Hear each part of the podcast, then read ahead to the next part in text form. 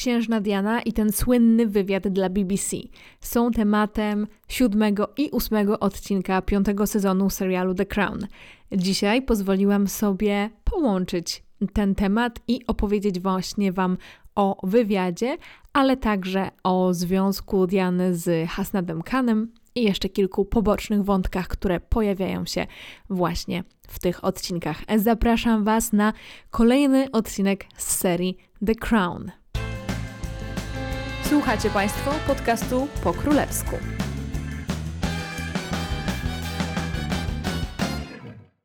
Cześć, nazywam się Anna Orkisz i jestem Waszą przewodniczką po królewskich tematach i dramatach. Dzisiaj łączę dwa odcinki, odcinek siódmy i odcinek ósmy piątego sezonu serialu The Crown.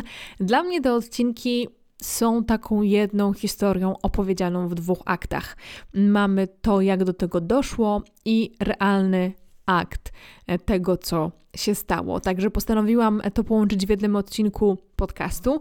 No też nie ukrywając, że produkcja tej serii podcastów jest dla mnie ogromnym, ogromnym wyzwaniem, więc postanowiłam sobie nieco ułatwić sprawę i te dwa odcinki wrzucić w jeden odcinek podcastu, co nie znaczy, że mniej wartościowy. Jeżeli doszliście ze mną tutaj do tego momentu, to zapraszam Was także na mój Instagram po królewsku, gdzie za kilka dni będę Was pytała mm, o tematy, które Was szczególnie zainteresowały, które może nie zostały do końca wyjaśnione w tej mojej serii podcastów, jeżeli chodzi o cały serial The Crown. Będzie można mi zadawać pytania i po całej serii zrobię także jeden odcinek, gdzie będę odpowiadała na Wasze pytania, także już to zapowiadam.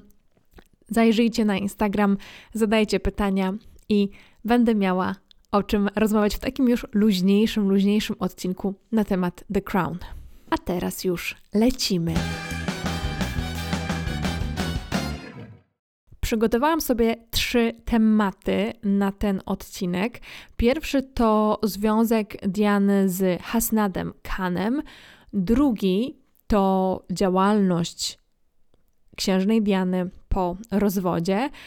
Trzeci taki króciutki to William i jego nauka w Eton, no i najdłuższy to wywiad. I właśnie w takiej kolejności będę te wątki poruszała.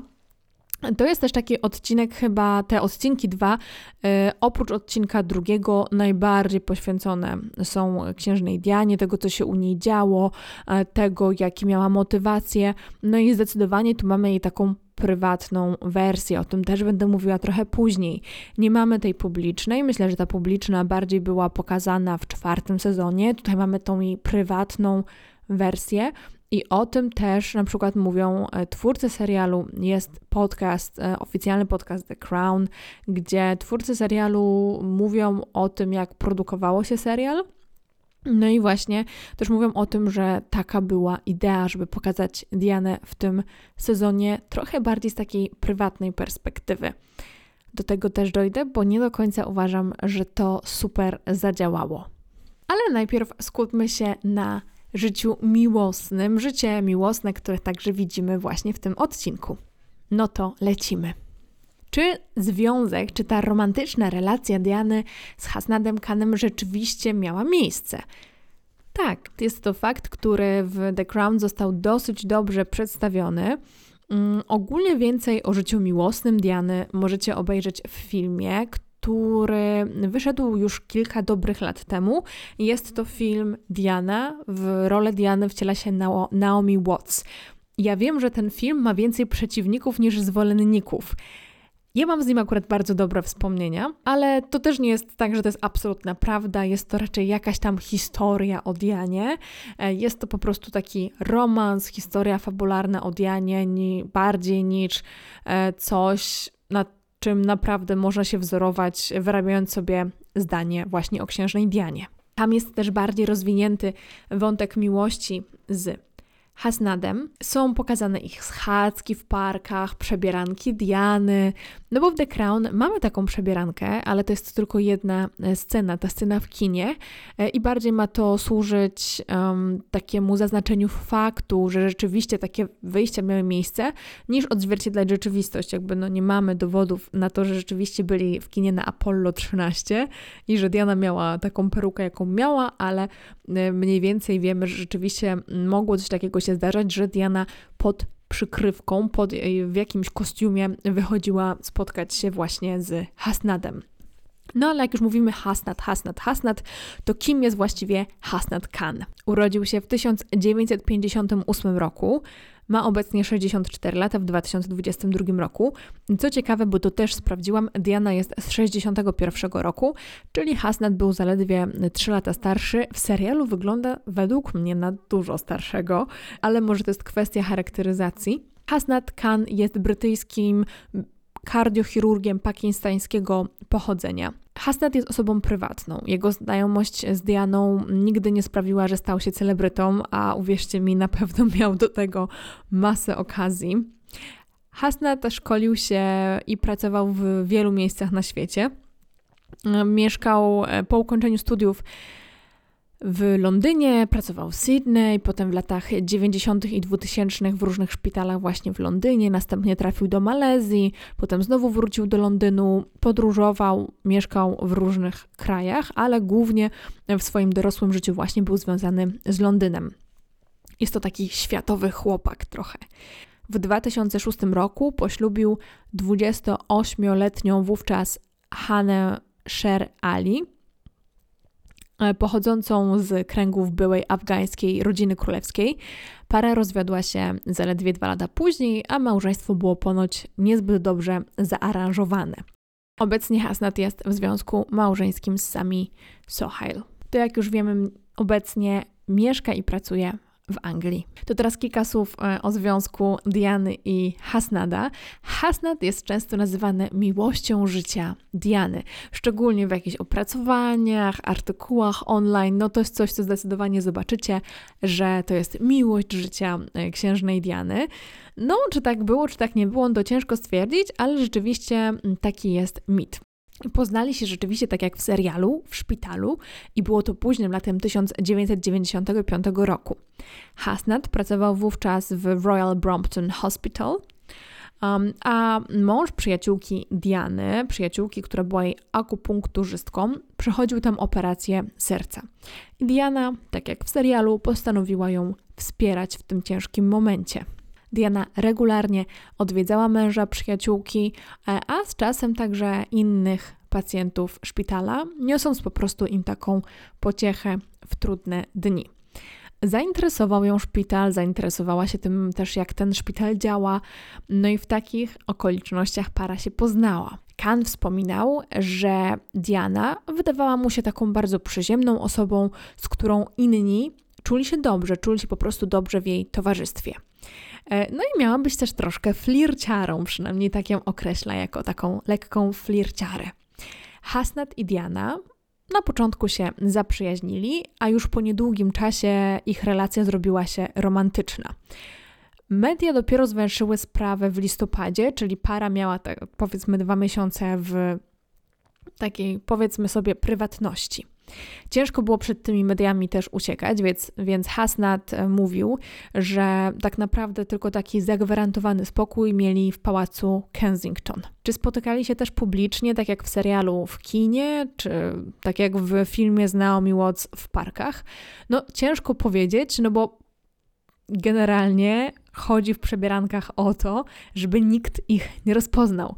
Więc ciężko to udowodnić rzeczywiście jakimiś zdjęciami, ale takie są podejrzenia i tak się mówi, że rzeczywiście Diana się przebierała, aby móc jako incognito, jako osoba incognito po prostu sobie wychodzić z pałacu Kensington i cieszyć się takim zwyczajnym życiem i móc po prostu sobie chodzić na randki.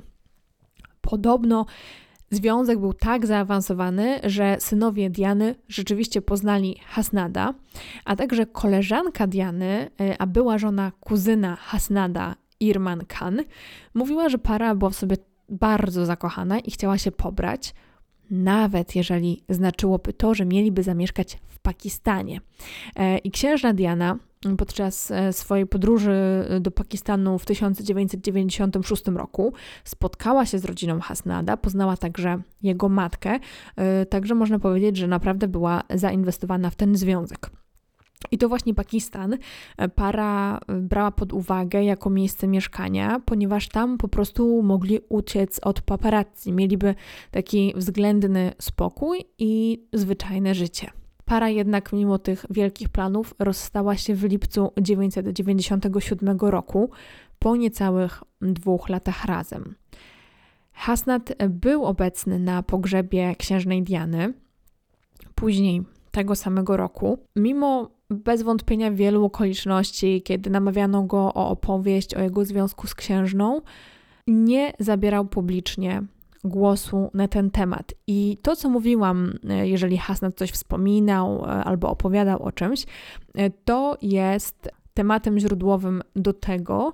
Większość generalnie, co wiemy z tego, co, co on opowiedział, um, opowiedział zeznając, zeznając podczas sprawy w sprawie śmierci księżnej Diany w 2004 roku. Czyli nie poszedł do mediów, do jakiegoś show i nie opowiadał, tylko rzeczywiście było to po to, aby rozwikłać zagadkę śmierci księżnej Diany. I wybiegnę tutaj troszkę chwilowo w serialową przyszłość, dlatego że w serialu no, widzimy ten początek romansu w tych dwóch odcinkach, ale o potem on jakby zupełnie zanika. Nie ma za bardzo już e, potem tego wątku ciągniętego. Mamy tylko powiedziane krótko w dziewiątym odcinku na początku, że jakiś czas po wywiadzie, który dała Diana, Hasnat przestał od niej odbierać telefony.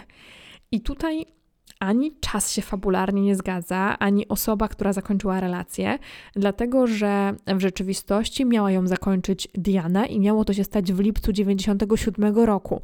A Moment, kiedy Diana to mówi, to było jeszcze przed rozwodem, czyli powiedzmy gdzieś na początku 96 roku. Także tutaj mamy ponad rok przed realnym zakończeniem serial implikuje, że rzeczywiście takie zakończenie już miało miejsce. E, także tutaj nie do końca jest to zgodne z prawdą i wydaje mi się, że też nie do końca e, ten potencjał, nawet fabularny tego związku jest wykorzystany. Szczególnie to, że Diana, która, osoba, która tak bardzo chciała znaleźć miłość, która tak bardzo potrzebowała miłości w swoim życiu, znalazła ją e, z tym partnerem. E, mówi się, że, że rzeczywiście byli szczęśliwi, że ten związek rozkwitał, chcieli się pobrać.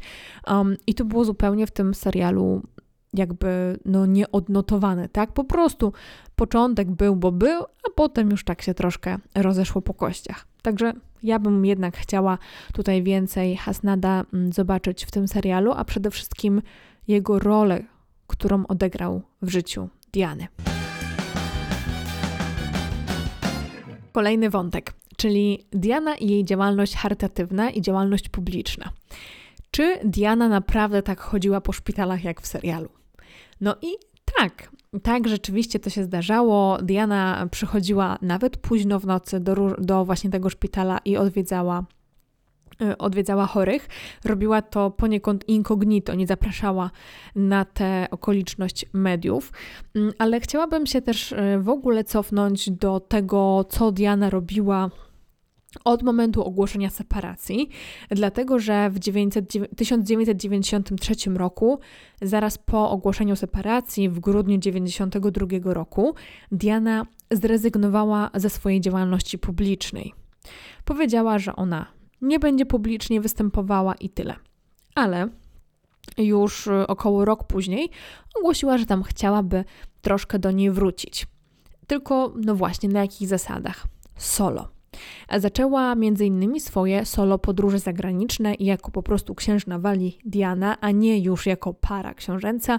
Rzeczywiście dosyć sporo podróżowała i często te podróże były związane z jakimiś jej celami charytatywnymi, które chciałaby wspierać. Ważna dla niej była e, właśnie ta działalność charytatywna, szczególnie mm, ta związana z osobami, które były wykluczone ze społeczeństwa, między innymi przez różne ich choroby, na przykład AIDS. I serial dochodzi do lata 1997 roku, ale nie mamy tam praktycznie pokazane nic z jej charytatywnej działalności, oprócz odwiedzenia szpitali. No i te odwiedziny w szpitalach też mają jakiś pretekst, tak? Pierwszy, pierwsze odwiedziny w szpitalu, które widzimy, no to pretekstem jest przedstawienie postaci Jamesa Colthursta, przedstawienie Andrew Mortona, i pokazanie właśnie e, tego wątku powstawania książki, a drugie odwiedziny Diany w szpitalu mają taki pretekst, żeby pokazać jej romans z doktorem.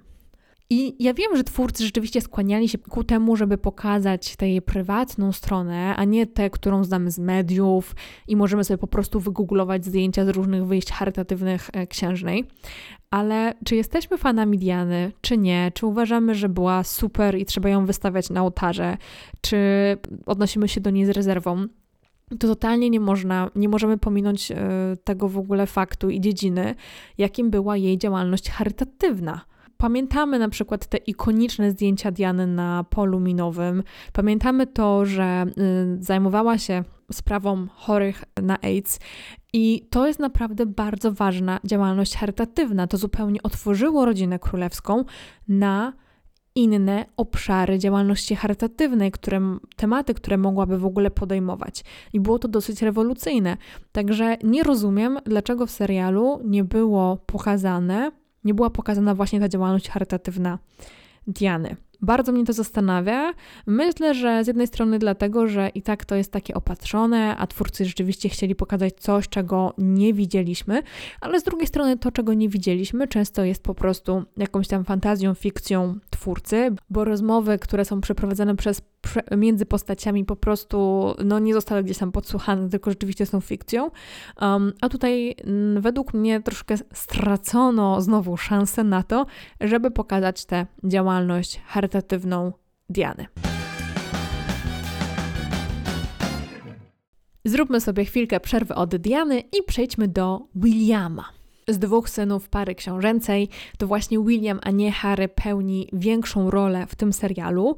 No, oprócz tego, że po prostu był starszy i może więcej w jego życiu się wtedy działo, no to też bezsprzecznie jest to, to William właśnie jest częścią tego systemu, to William jest przysz, przyszłym monarchą, to William jest tym wyznaczonym do bycia mm, spadkobiercą Karola. Także też widać, że wokół niego tutaj, jeżeli jakieś wątki na temat dzieci Diany się ciągną, to właśnie wokół niego, um, żeby też pokazać właśnie na kogo ten system spadnie. Korona, wiadomo, spadnie, ale kto będzie szefem tego systemu kiedyś i jak też jest formowany. E, no i tutaj mamy mm, takie dwa wątki z Williamem. Pierwszy wątek to jest to, jak idzie do Eton.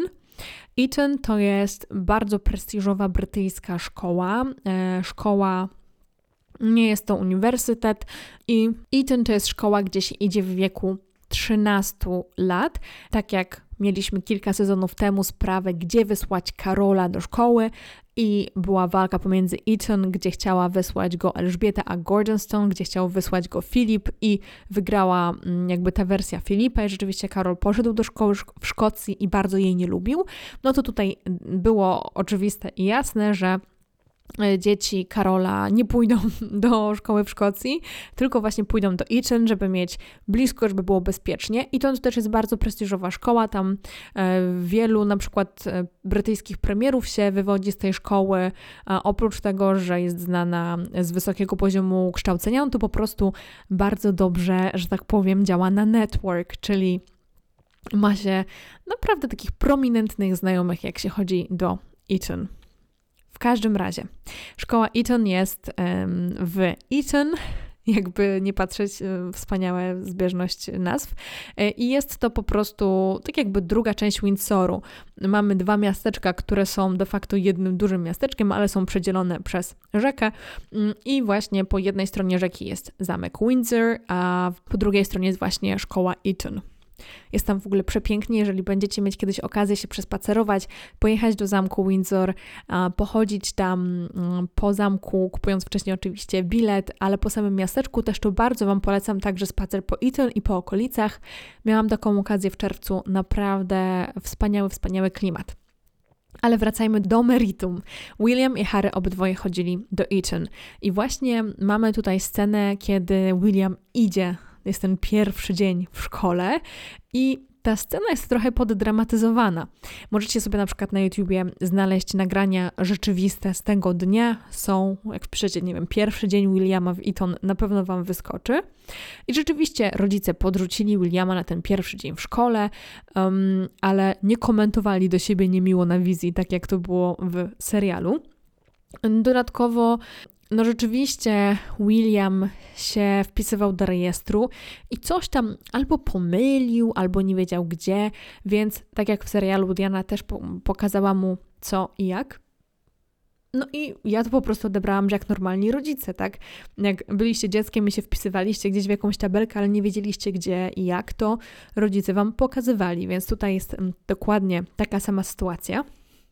I ogólnie jest taka zasada, do której też potem, potem, potem e, odwołuje się w realnym wywiadzie księżna Diana, że jak dzieci są, dzieci królewskie w Wielkiej Brytanii są w szkole, to nie robi się im zdjęć, nie ściga się ich, po prostu paparazzi za nimi nie latają. Po prostu zostawiają je w spokoju, ponieważ mają prawo w spokoju chodzić e, czy do szkoły, czy na uniwersytet. I dlatego też na przykład no, nie mamy zdjęć Williama z przechadzek gdzieś tam po Eton albo po Windsorze, jak na przykład szedł na herbatkę do babci. E, no i tutaj mamy drugi wątek, czyli herbatki u babci Williama. Tak, jest taka historia, że rzeczywiście William wpadał do babci na herbatki i pogaduszki, Chociaż myślę, że oprócz herbatki i pogaduszki na pewno coś tam miłego razem robili. Może, nie wiem, grali w jakieś gry albo chodzili do jakiejś stajni. No ale ta historia z tym telewizorem, który nastawia właśnie William Elżbiecie, jest trochę naciągana. Jest to prawdopodobnie fikcja. No i oprócz takiej oczywistej warstwy fabularnej, czyli tej dramy z BBC i z telewizją ogólnie, to jednak pełni taką funkcję budowania relacji między wnukiem a babcią, więc to akurat mm, troszkę rozumiem, no bo w końcu kto z nas nie pomaga swoim dziadkom w nowych technologiach? Ja myślę, że każdy z nas i mam nadzieję, że każdy z nas będzie miał jak najdłużej szansę pomagać swoim dziadkom właśnie w nowych mm, technologiach. Także rozumiem e, ten zabieg fabularny, ale czy tak było naprawdę? No myślę, że nie. I przechodzimy do wywiadu. Tego słynnego wywiadu. Jeżeli ktoś mówi o wywiadzie księżnej Diany albo wywiadzie BBC księżnej Diany, wywiadzie z 95 roku, no to właśnie zawsze ma na myśli właśnie ten. Mamy rok 1995. Karol i Diana są w separacji niemal od trzech lat.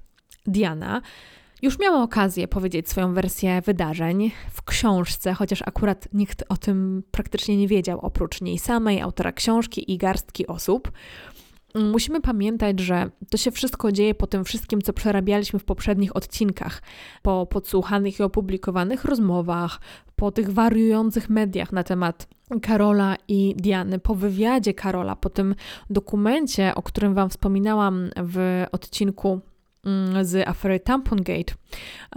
Po książce, której autorem e, był Jonathan Dimbleby, który też przeprowadzał ten wywiad z księciem Karolem wtedy w 94 roku, po tej sukience zemsty. No ogólnie jesteśmy w trakcie wojny Walesów, w takim piku, że tak powiem, wojny Walesów. I ten wywiad właściwie był jej takim punktem kulminacyjnym. Potem już była taka prosta, prosta droga do rozwodu. E, on nastąpił w lipcu 96 roku, do tego przejdziemy w kolejnym odcinku, lekko ponad pół roku po emisji wywiadu. I ma to wszystko logiczny sens, tak jak sobie patrzymy retrospektywnie na ten przebieg wojny. Ale to, co nie ma sensu i budzi największe kontrowersje do dzisiaj, i uważam, że bardzo, bardzo słusznie, to to, jak do tego wywiadu doszło. Bo gdyby nie pewien ambitny dziennikarz, Niektórzy twierdzą nawet, że Diana nadal by żyła. Tym ambitnym dziennikarzem był Martin Bashir. Dziennikarz, który pracował dla BBC i prowadził, zajmował się po prostu programem Panorama. Bashir od początku wiedział, że wywiad z księżną Dianą to jest bardzo łakomy kąsek. Kto by nie chciał w środku wielkiej wojny Walesów porozmawiać z Dianą, z osobą, która jeszcze nie udzieliła takiego wywiadu, bo Karol go udzielił rok wcześniej, a teraz jakby była taka pora na Dianę. Od początku też wiedział, że no nie ma siły, żeby takiemu dziennikarzowi jak Martin Bashir, który wtedy nie był jakimś super znanym, prominentnym dziennikarzem, żeby on właśnie dostał ten wywiad. Więc postanowił tak zmanipulować ją i jej otoczenie, żeby do tego wywiadu doszło. Bashir, bazując na różnych plotkach, jakoby osoby z otoczenia Karola szpiegowały dla wywiadu, postanowił sam sfabrykować dowody – faktury, które miały dowodzić nie tylko nielojalności otoczenia Karola, ale także i przede wszystkim Diany. Udało mu się dotrzeć do brata Diany, Charlesa Spencera, który, któremu było to wszystko przedstawione, i bardzo e, Charlesa zaniepokoiło to, co się dzieje, i przez to mm, dzięki niemu Bashir porozmawiał z Dianą. I jako, że Diana i tak czuła się niepewnie, co zresztą też mamy dobrze oddane w serialu, to Bashir wykorzystał to i wręcz pobudzał to jej poczucie niebezpieczeństwa, podgrzewał to, że może być podsłuchiwana, czy nawet nastawiał ją, y, sugerował, że nawet jej własny syn William donosi na nią rodzinie królewskiej. I każdą informację, którą dała mu Diana, tak doprawiał, aby ona czuła się w niebezpieczeństwie i wiedziała, że ten wywiad jest taką jedyną, taką uczciwą przystanią, jedyną szansą na wypowiedzenie swojej własnej wersji wydarzeń i pokazanie rodzinie królewskiej, że jakby ona teraz ma piłeczkę. I ona tutaj nie to, że zniszczy, ale niech będzie po jej stronie. Brzmi to wszystko bardzo, bardzo dramatycznie. Zresztą, jeżeli macie świadomość tego, co robił Bashir, to oglądając te odcinki też odczytujecie to jego zachowanie jednoznacznie. Właśnie, że chce księżną Dianę zmanipulować. I co padło w wywiadzie? Bardzo dużo, ten wywiad ma niemalże godzinę. Także ja tutaj tylko streszczę takie główne wątki, które też zresztą e, były w większości w serialu. Oczywiście najsławniejsze zdanie, które padło, to było, że była nastrójka w tym małżeństwie, więc było trochę tłoczno. Także mówiła właśnie o romansie swojego męża z Kamilą. Przyznała się także do romansu z Jamesem Hewittem, mm, który wcześniej zresztą tam w swojej książce chyba o tym napisał. Ale abstrahując od tych, od tych kwestii romansów, no bo to jakby jest jedna kwestia, ale Diana e, przyznała się także do problemów ze zdrowiem psychicznym, do depresji, do depresji poporodowej po porodzie Williama, do samookaleczeń, a także do bulimii, z którą się zmagała przez wiele lat. I jakby musimy sobie zdać sprawę z tego, że to nie był 2020 rok, kiedy teraz mimo tego, że zdrowie psychiczne nadal gdzieś tam jeszcze może być tematem tabu, to jednak jest e, tematem, który coraz mniej staje się tematem tabu, coraz bardziej otwarcie mówimy, że chodzimy na terapię e, albo mamy problemy ze zdrowiem psychicznym, e, także w miejscach pracy możemy o tym powiedzieć. Nie jest to już tak bardzo temat tabu, ale to się zmieniło dosłownie w ciągu ostatnich kilku lat. W latach 90. to był szok. Diana mówi w tym wywiadzie, że była traktowana jako po prostu paranoiczka, jako niestabilna emocjonalnie i że nikt nie traktował jej poważnie, że e, wszyscy uważali, że coś jest po prostu z nią nie tak i nikt nie chciał jej pomóc. Mówiła też o tym, mm, że miała, że Karol jej mąż miał problem z tym, jaką uwagę przyciągała i że jej też to przeszkadzało, że przyciągała taką uwagę, no bo chciała, żeby byli zgodnym małżeństwem, żeby razem robili różne wystąpienia, a tutaj szczególnie wspominała tą podróż do Australii, którą mamy pokazaną w czwartym sezonie. Jej to przeszkadzało po prostu, że że ona przykuwa taką uwagę, a Karol nie, że Karol się z tym czuje źle. Nie wiem, czy twórcy The Crown bardzo sugerowali się tym wywiadem, kiedy pisali czwarty sezon, ale rzeczywiście tutaj widać dużo takich podobieństw pomiędzy e, tym, co Diana powiedziała w tym wywiadzie, a tym, co było właśnie w czwartym sezonie. I mówiła, Diana też mówiła w tym wywiadzie, że jest smutno, że, że nie robili potem już razem wystąpień, bo razem tworzyli fajny team dla publiczności. I co było bardzo takim mocnym akcentem tego wywiadu, to zakwestionowała też to, czy Karol będzie w stanie dostosować się do wymagań, które stoją przed rolą króla. Um, I po prostu, czy będzie dobrym królem dzięki temu. W konsekwencji wywiadu, a także tego, co doprowadziło do tego wywiadu, Diana odmówiła korzystania z ochrony gwarantowanej jej przez firmę, przez państwo, także po rozwodzie, ponieważ była przekonana, że ochrona będzie działała na jej niekorzyść i że będzie ją także szpiegowała. Do końca życia wierzyła, że rodzina królewska stanowi dla niej zagrożenie, że ją śledziła, podsłuchiwała itd. Tak I tak jak mówiłam, niektórzy wierzą, że gdyby nie ten wywiad, to Diana by żyła. Dlaczego? Ja wiem, że to jest jakaś tam teoria spiskowa, ale dlaczego? Bo prawdopodobnie ochrona, którą by wtedy miała w tym sierpniu 97 roku, nie dopuściłaby do takiej sytuacji, e, która zagraża jej życiu, a taka sytuacja ewidentnie miała miejsce, e, czyli szybka jazda przez Paryż w nocy z niepewnym kierowcą. I ja mówię od razu, ja tak daleko bym nie wybiegała i daleka jestem od stwierdzenia, że BBC jest odpowiedzialny za śmierć księżnej Diany. Ale bez wątpienia Martin Bashir i jego działania miały wpływ na postrzeganie świata przez Dianę i jej wybory. Za ten wywiad Martin Bashir, który właśnie zrobił to wszystko, o czym opowiedziałam, i BBC otrzymało wiele nagród, między innymi e, nagrodę BAFTA. No i co jest takie ciekawe i szokujące, to te nagrody, to wszystko trwało przez nie ponad chyba nawet 25 lat. O większości z tych rzeczy opinia publiczna dowiedziała się dopiero w 2020 roku, kiedy wszczęto wewnętrzne śledztwo w BBC właśnie dotyczące wywiadu. Były już wcześniej pogłoski, że rzeczywiście Martin Bashir pozyskał ten wywiad w sposób absolutnie nieetyczny i że oszukiwał księżną Dianę, ale nigdy nie zajęto się sprawą na poważnie. Zajęto się dopiero w 2020 roku, dwa lata temu. I to jest 25 lat po tym, jak ten wywiad się odbył. Ćwierć wieku. Wyobraźcie sobie to. Przez ćwierć wieku to po prostu nikt, nikomu w ogóle nie zależało nad tym.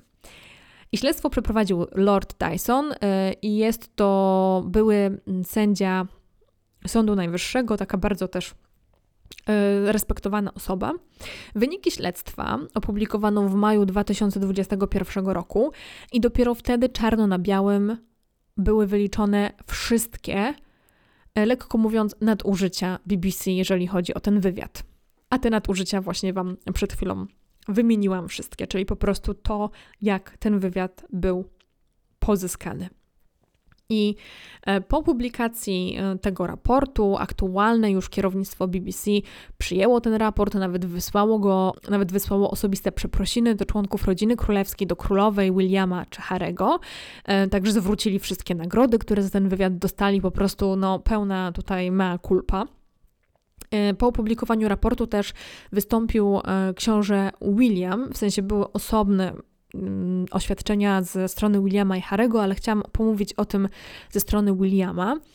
Wydał on oświadczenie, mm, wystąpił też i stwierdził, że wywiad i to, co wmówił Dianie Martin Bashir, wzmogły paranoję jego mamy i taki stan emocjonalny, który on pamięta przez ostatnie lata, kiedy ona żyła, e, a także, że wywiad przyczynił się do pogorszenia relacji między jego rodzicami, no i w konsekwencji do rozwodu.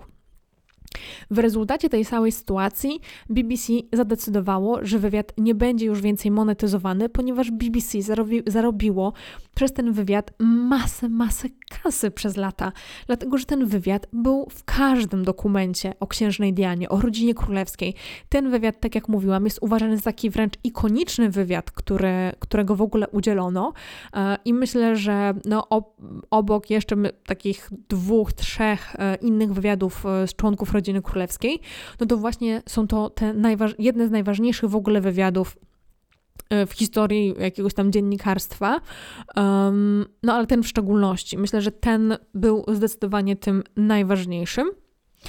Um, I BBC zdecydowało, że koniec z monetyzacją, koniec z wysyłaniem tego wywiadu e, na prośbę, sprzedawaniem tego wywiadu, sprzedawaniem praw do tego wywiadu, e, koniec z spuszczeniem tego wywiadu w całości, co nie znaczy, że nie możecie go znaleźć gdzieś tam w odmętach internetu e, albo w, we fragmentach, ale no, nie jest to powiedzmy legalne. Zdjęto po prostu ten wywiad. Z, ro, zrobiono to też ze względu na synów, na Williama i Harego i mm, też była ta duża kontrowersja z The Crown, e, o której chyba mówiłam w tym odcinku przed tą serią, że po prostu e, wręcz apelowano o to, żeby ten temat był pominięty w jakiś sposób w tym serialu, dlatego że no znowu odgrzewa się to samo. Chociaż myślę, tak osobiście, że całkiem nieźle to zostało przedstawione. Myślę, że można by jeszcze trochę bardziej podkreślić jak ten wywiad został uzyskany. Wiadomo, że został uzyskany w sposób nieetyczny.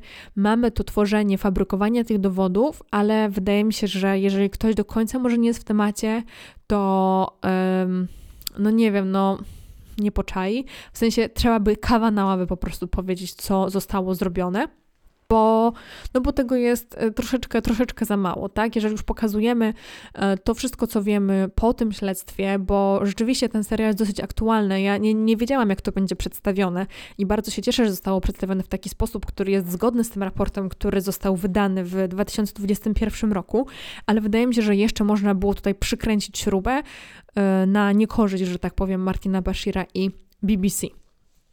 E, jeżeli chodzi jeszcze o taki fact check z The Crown, dużo rzeczy tutaj się rzeczywiście zgadza. E, I jeżeli chodzi o daty, o to, kiedy to było kręcone, publikowane i tak to rzeczywiście e, było to nagrywane tak, jak jest w serialu, w Guy Fawkes Day, czyli ten dzień, kiedy wszyscy tam palą ogniska i strzelają fajerwerkami. E, dokładnie wszystko było wytłumaczone w serialu i ekipa wjechała do Pałacu Kensington właśnie jako ekipa od hi-fi, czyli nie wiem, od głośników. E, a sam serial, e, sam wywiad został puszczony 20 listopada, właśnie w rocznicę ślubu Elżbiety i Filipa, a także w dzień, kiedy dział się Royal Variety Show. Jednak nie ma dowodu na to, że Diana uprzedziła królową Elżbietę o, o wywiadzie. To jest wymyślone, nigdy coś takiego no, nie, wiem, nie pojawiło się nawet w mediach. A prawdopodobnie rodzina królewska, tak jak wszyscy inni, dowiedzieli się 6 dni przed publikacją nie wiemy, co rodzina królewska myślała na temat wywiadu. Oficjalnie nie wiemy, dlatego że nie zostało wypuszczone żadne oświadczenie rodziny królewskiej właśnie w sprawie tego wywiadu. Wiemy, co się działo później. Jak mówiłam kilka miesięcy później, rzeczywiście doszło do rozwodu Karola i Diany, no co myślę, że jest wystarczającą odpowiedzią rodziny królewskiej na ten wywiad. Jeżeli chodzi o szefa BBC, bo może Was ten on wątek zainteresował, to rzeczywiście było tak, że on zrezygnował y, wskutek po prostu tego wywiadu. Podsumowując, bo to będzie jeden z najdłuższych odcinków z tej serii, no ale tutaj mówimy o dwóch odcinkach, więc powiedzmy, że jest ten, ta długość zrozumiała. Dla mnie te dwa odcinki, już tak abstrahując w ogóle od merytoryki, były trochę za długie. Myślę, że to można było bardziej skumulować, bardziej spakować i właśnie ja bym przede wszystkim jeszcze bardziej podkreśliła e, te no, złowrogie zamiary de facto Martina Bashira, żeby ten wywiad uzyskać i, um, i to, jak do tego doszło, żeby to było takie zupełnie, zupełnie klarowne. Dziękuję Wam za wysłuchanie tego odcinka. Na maksymalnie się dzisiaj nagadałam. E, mam nadzieję, że dowiedzieliście się czegoś ciekawego e, i już teraz zapraszam Was na kolejne dwa odcinki i na zapowiadane QA. Trzymajcie się ciepło. Do zobaczenia, do usłyszenia jutro. Pa pa.